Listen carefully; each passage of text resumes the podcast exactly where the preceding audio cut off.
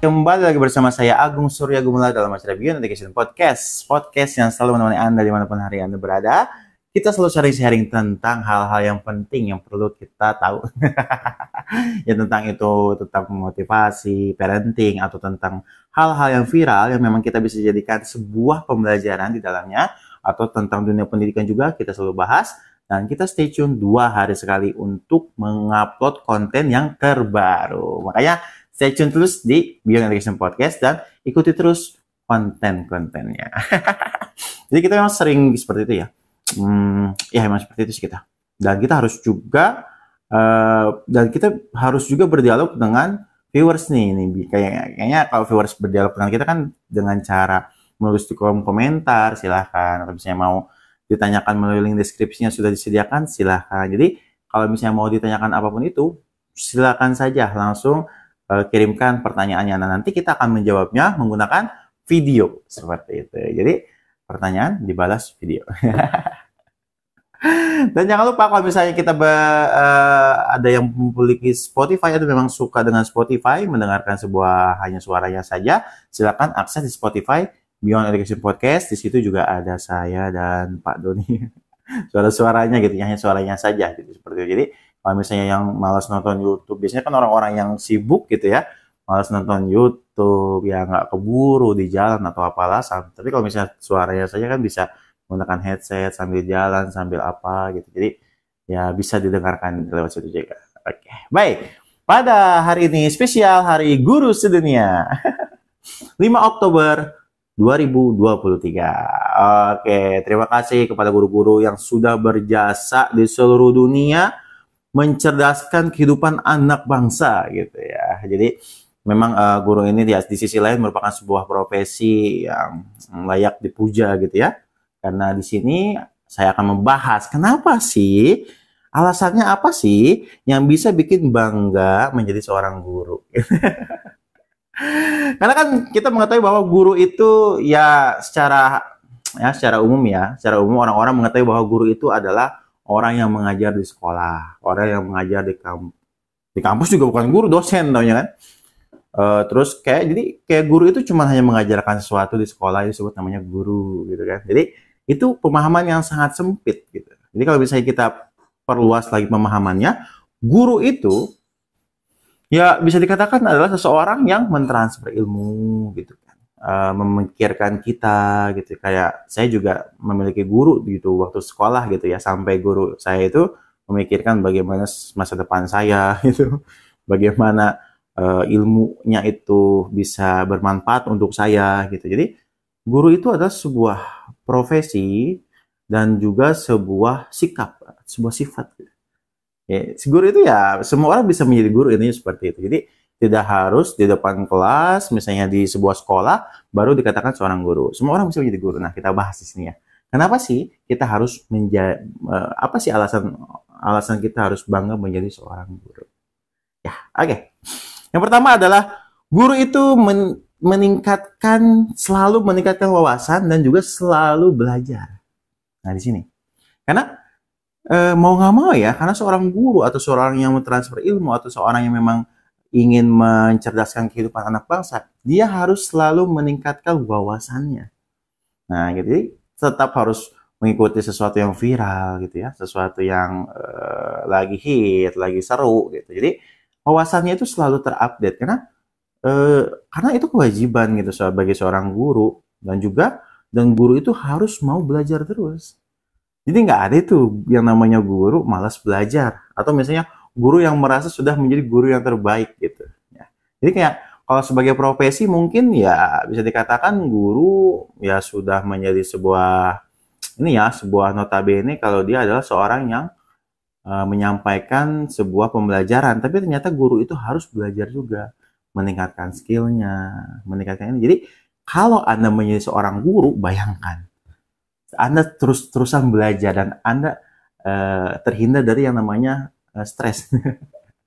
Tapi terus terusan belajar juga stres. Anda akan menjadi seorang pembelajar yang ulung gitu. Karena guru itu wajib untuk selalu belajar. Karena menyampaikan, mentransfer ilmu atau menyampaikan sesuatu di depan uh, orang banyak itu ya memerlukan pem, memerlukan skill yang terus di upgrade. Nah, jadi seperti itu. Jadi bangganya menjadi seorang guru adalah ya wawasannya pasti luas karena guru ya sering baca atau misalnya sering apa gitu, sering menyampaikan sesuatu. Jadi wawasannya itu akan terus bertambah guru itu. Dan juga selalu menjadi pembelajar yang ulung. Yang kedua adalah guru itu adalah pekerjaan yang tidak monoton. Kalau misalnya di sebuah pabrik ya, di ibarat katakan ini saya tidak merendahkan sebuah profesi ya, misalnya kalau di sebuah pabrik yang kita hadapi adalah barang-barang atau benda-benda berat gitu ya. Seperti mesin atau mesin press ataupun itu ada disebut namanya membungkus ya. Jadi yang kita hadapi itu adalah barang-barang yang eh, mati gitu. Maksudnya barang mati di sini adalah sebuah benda-benda aja gitu. Jadi pekerjaan kita hanya berhadapan dengan data-data, benda-benda, atau misalnya hanya dengan komputer. Nah, tapi kalau guru, bayangkan, berapa puluh murid, berapa puluh murid itu, itulah yang harus dipelajari oleh guru. Karena setiap anak itu unik, setiap anak itu memiliki ciri khas masing-masing. Dan guru itu menghadapi hal itu. Jadi pekerjaannya itu nggak monoton gitu. Nggak itu, itu aja. Bayangkan, satu anak aja bisa memiliki permasalahan yang aneh-aneh satu anak saja bisa memiliki permasalahan yang aneh-aneh. Ini bayangkan dalam satu kelas misalnya guru itu mengajar atau misalnya dalam sebuah komunitas atau dalam sebuah seminar guru itu menyampaikan sesuatu itu harus sampai kepada orang-orang yang diajarkannya gitu. Jadi nggak monoton gitu. Banyak permasalahan yang datang, banyak insight yang baru, banyak sesuatu yang bisa dipikirkan gitu ya. Yang tadinya kita nggak kepikiran, tiba-tiba lihat murid kita seperti ini, oh Nah, sepertinya ini butuh ini nih gitu. Jadi guru itu nggak monoton, dan itu akan terus dinamis gitu. Dan karena ilmu pengetahuan itu akan terus dinamis. Ketika kita memikirkan orang, guru itu memikirkan anak ini gimana ya? Kok begini sih? Bagaimana caranya ya? Bayangkan.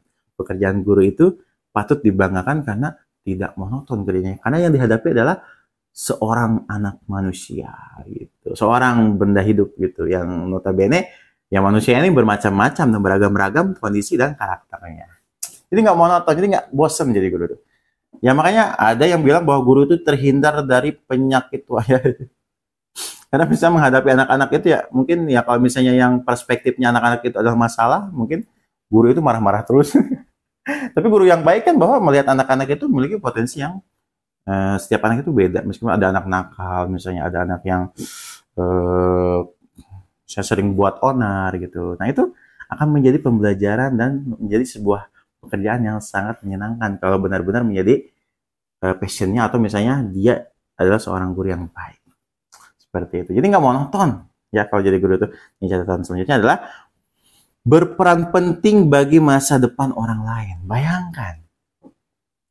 Ya kak saya juga, uh, saya bisa seperti ini sampai sekarang juga pasti uh, setidaknya, setidak banyak sedikitnya adalah uh, adalah berkat jasa-jasa guru saya. Ya mungkin tapi tidak terlalu seluruhnya ya. Jadi ini hanya sepersekian sepersekian persennya lah menjadi jasa dari guru-guru saya. Jadi memang uh, ilmu-ilmu yang guru saya ajarkan kepada saya itu ya memang dipakai gitu sampai sekarang. Dan bayangkan kalau kita menjadi seorang guru, kita itu bisa membantu masa depan anak itu, bisa membantu masa depan uh, siapa yang diajarkan gitu. Jadi bisa ikut campur dalam masa depan orang dan berperan penting lagi. Ya, kan teman-teman saya juga sering cerita tuh. Kalau misalnya ya katakanlah ada seseorang yang sukses gitu ya. Terus dia berkata seperti ini. Saya teringat dulu guru saya itu bilang kamu harus menjadi orang yang bertanggung jawab dan jangan kendor atau jangan menyerah gitu. Nah, kata-kata itu bayangkan, itu diingat selalu sampai dia sukses. Nah, jadi guru adalah orang yang berperan penting di masa depan orang lain. Mulia banget nggak tuh?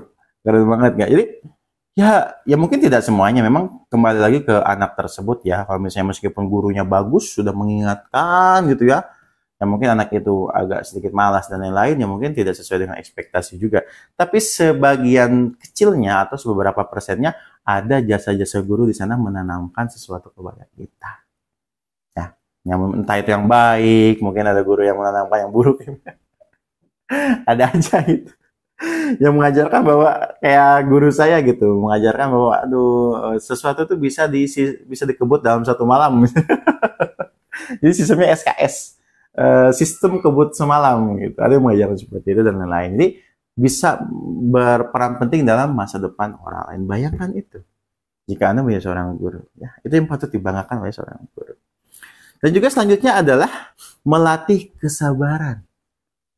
Ya karena biasanya seseorang yang sabar itu memiliki beberapa derajat di atas eh, orang-orang uh, yang lain. Katakanlah uh, misalnya ada seseorang yang sabar dan tidak ya. Dia menunggu misalnya menunggu untuk membeli membeli barang, membeli kue misalnya di toko kue. Kalau yang sabar dia tunggu sampai dia dapat. Ya. Dan itu pasti dapat. Kalau yang nggak sabar, karena dia merasa ah masih lama antrian masih sedikit ah saya mau ini dulu ah saya mm, males uh, ngantri gitu. Gak sabaran gitu. Meskipun beberapa orang tinggal beberapa orang dia pergi untuk uh, misalnya ke mana dulu gitu terus mau balik pas balik antrian lagi tuh udah panjang. Jadi biasanya orang-orang sabar itu memiliki keberuntungan yang lebih daripada orang yang gak sabar. Kayak gitu. Jadi kayak sesuatu itu kalau dihadapi dengan sabar ya merasa diri kita tuh memiliki skill yang lebih gitu.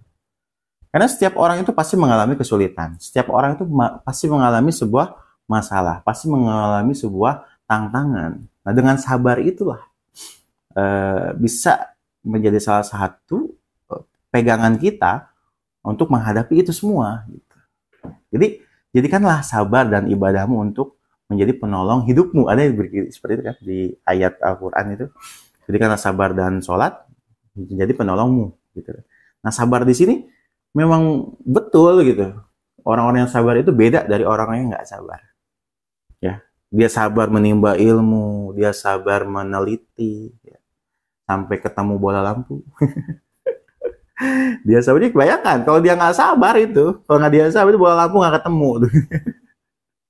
Pasti seseorang yang sabar itu dia tekun, teliti dan nah bayangkan guru itu seperti itu. Dia sabar menghadapi anak muridnya. Anak muridnya misalnya cengin atau misalnya ngeledek, dia tetap sabar.